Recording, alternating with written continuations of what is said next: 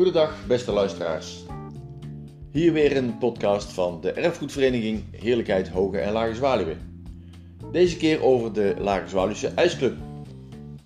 Op 26 september 1906 is de Koninklijke IJsclub Lage Zwaluwe opgericht.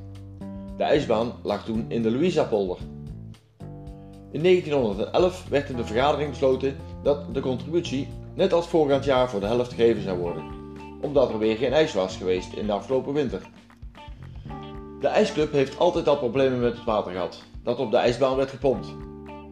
Ook al op de baan in de Louisa-polder moest het water op en weer van de polder af, omdat het een weiland was. Ook kwam het regelmatig voor dat er geen water op het weiland stond als het al ging vriezen. Voor het houden van genoeg water op de baan in de Prinses Louisa polder zou een nieuwe wachter moeten komen die men bij het domeinenbestuur moest aanvragen. In 1919 werd er een bestek en tekening gemaakt van voor zo'n wachter. Als deze geheel van beton zou worden gemaakt, konden de kosten wel eens hoog uitvallen en kon men misschien terugvallen op een wachter van grond, verstevigd met wisselhout.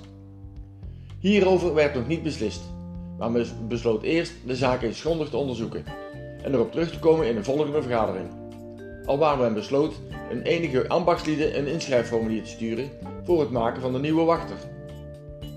Interessant om te weten, heden ten dagen kent de ijsclub deze problemen nog steeds. In 1928 is er op aanvang van de koninklijke goedkeuring verkregen bij koninklijk besluit van 4 november 1928. Men was daarvoor wel verplicht 20 exemplaren van de staatskrant aan te vragen. In 1941 is aan de orde gesteld het ontwerpen van ijsbanen voor de vereniging. Door de rentmeester der Romeinen te Klundert werd het verzoek gesteund om de boezem bij Schuddebeurs als ijsbaan te mogen gebruiken. Nadeel was de afstand tot het dorp en een voordeel was de ligging aan de zuidzijde van de Hoge Dijk. Er werd besloten of een afvaardiging van het bestuur naar Klundert te sturen om nader overleg met het domeinsbestuur te hebben. Op de bestuursvergadering van 29 november 1945 werd gemeld dat de kleine tent was uitgeleend aan de binnenzijde aan de binnenlandse strijdkrachten en is verbrand. Vergoeding voor de tent werd niet verkregen. De bestuurstent was door de Duitsers meegenomen en een gedeelte van de tent werd teruggevonden in de Binnenmoerdijk.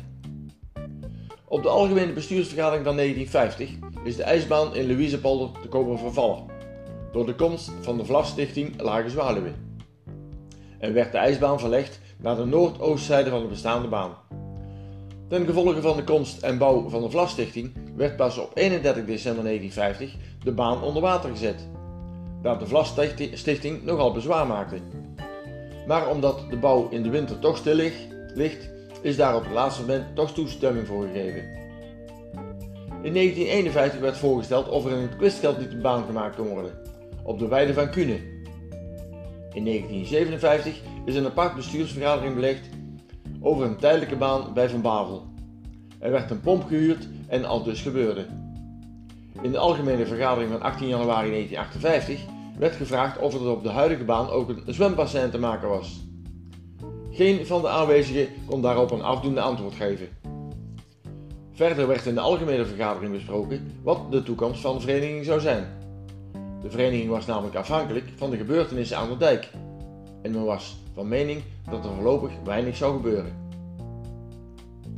Op een vergadering van 21 oktober 1961 gaf de voorzitter aan dat gezien de werkzaamheden aan de buitendijk de club wederom zonder ijsbaan zat. De rentmeester van de Wijnen had al eerder aangegeven dat het stuk grond dat parallel aan de oude, oude haven lag misschien geschikt was voor de ijsbaan. Het bestuur van de ijsclub had aangegeven daarvan gebruik te willen maken. Om problemen met de gemeente te voorkomen, die de grond voor kleine industrie geschikt vond en de grond wilde verkopen, werd koninklijke goedkeuring aangevraagd, welke op 30 januari 1962 werd verleend. De ijsclub kwam met betrekking tot de pacht met de rentmeester tot de overeenstemming en kon voor vijf jaar de grond pachten. In 1961 werd gesproken over een nieuwe ijsbaan, deze zal ongeveer 400 meter zijn en met 2,60 hectare oppervlakte.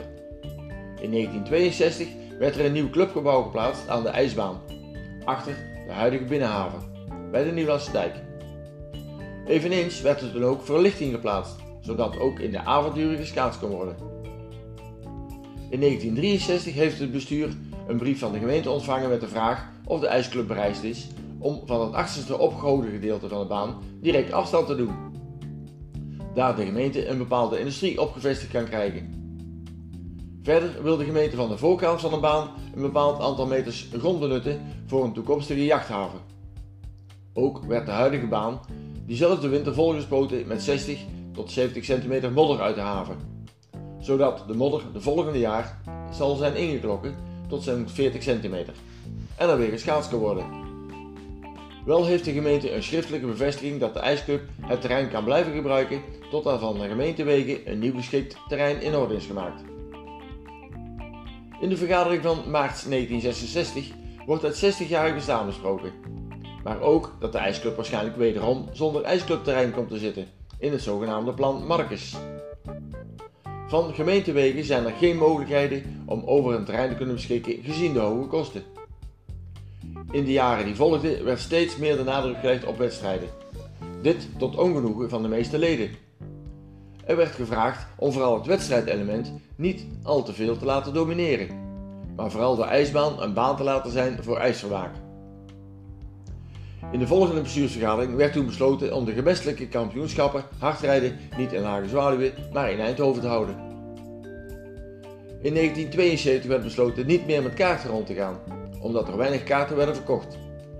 Er werden stencils gedrukt met daarop een mededeling dat diegene die een kaart wilde kopen, deze bij cafetaria Willem Korsmit aan de Nieuwlandse Dijk kon kopen tot de algemene ledenvergadering. Op dit moment bevindt de ijsbaan zich langs de Amerweg. De laatste jaren werd alles geautomatiseerd en u kunt met uw hele gezin of individueel lid van onze ijsclub gebruik maken.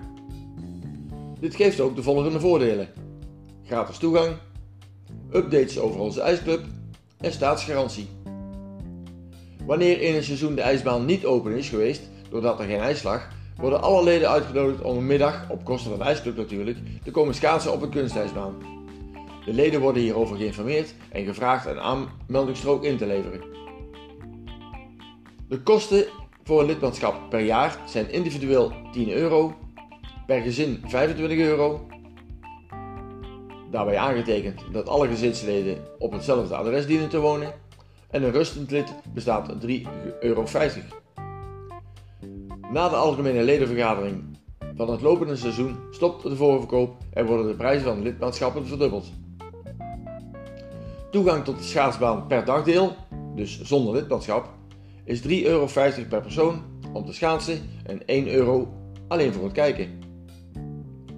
Om het vertoeven op het huidige terrein zo optimaal mogelijk te maken, zijn de volgende zaken aanwezig. Het is een afgescherpt gebied, er is verlichting, muziek, stoelen, verwarmde omkleedruimte, verwarmd toilet, koek en zopie en andere koude en warme versnaperingen in onze keuken en verhuur van schaatsen. Eventueel minder goede stukken ijs worden door de ijsclub duidelijk gemarkeerd. Nieuw hekwerk is gezet in de laatste maanden van 2023. Tot zover de Lage Zuidse IJsclub. Mijn volgende podcast zal gaan over de Horneelse dijk en naar het verhaal van Ada Pelen, verschenen in eerdere uitgaven van ons blad De Burt. Tot horens!